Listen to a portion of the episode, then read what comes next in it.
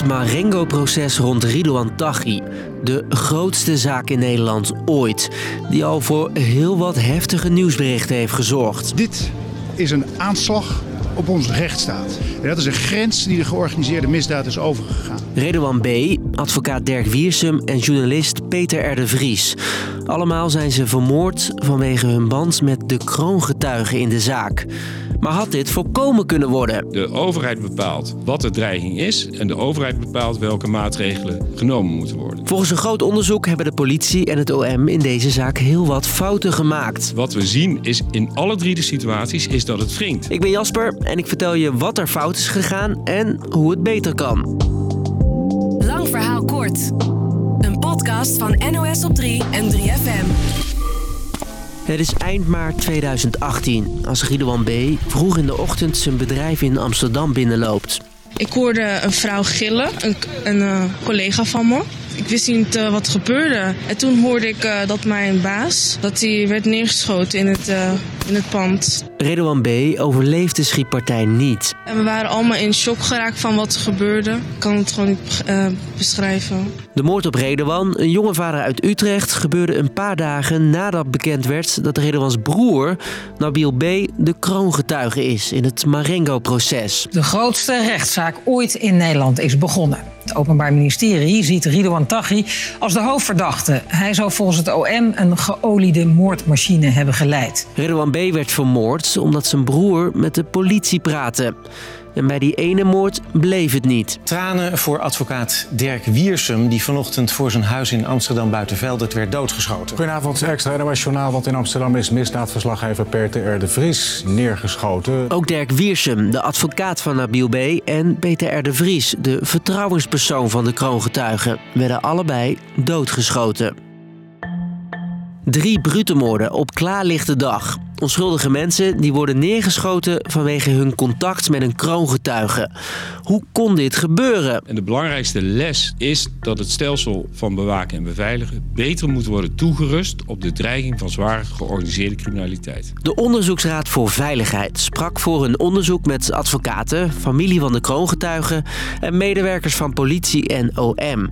En de conclusie is snoeihard, vertelt mijn collega Onno Beukers, die het hele rapport heeft doorgespit. Nou ja, de grootste fouten zijn eigenlijk gemaakt tussen eh, aan de ene kant het deel van eh, de mensen die voor de bewaking moesten zorgen. Wat, dat was een ander team dan degene die de opsporing deden. En eigenlijk werd daar niet goed tussen gecommuniceerd. Vooral rondom de dood van Redouan B.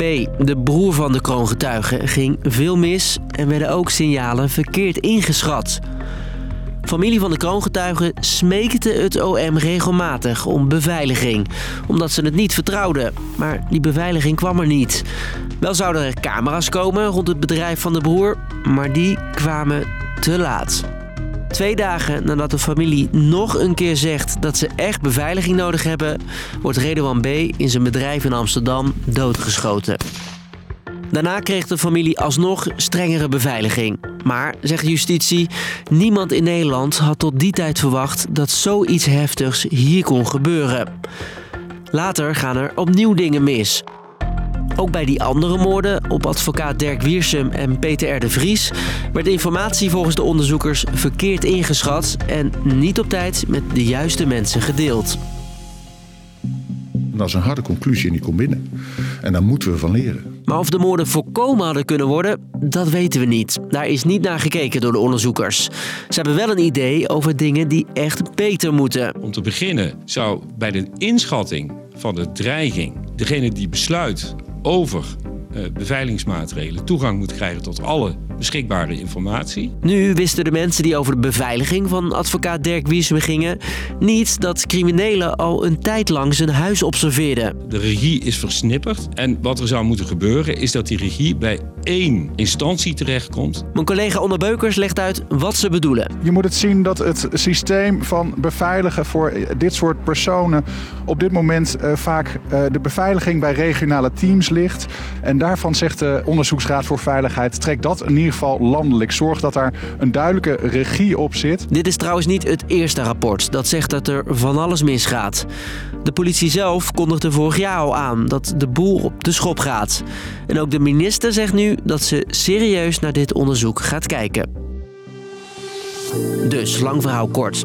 Er zijn fouten gemaakt bij de beveiliging van de broer, advocaat en vertrouwenspersoon van kroongetuige Nabil B. Dat staat in een groot nieuw onderzoek. En politie en het OM hebben allerlei fouten gemaakt en informatie is niet goed gedeeld.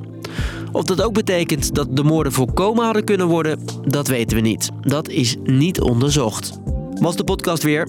Elke doordeweekse dag vind je rond 5 uur een nieuwe aflevering in je app. Doei!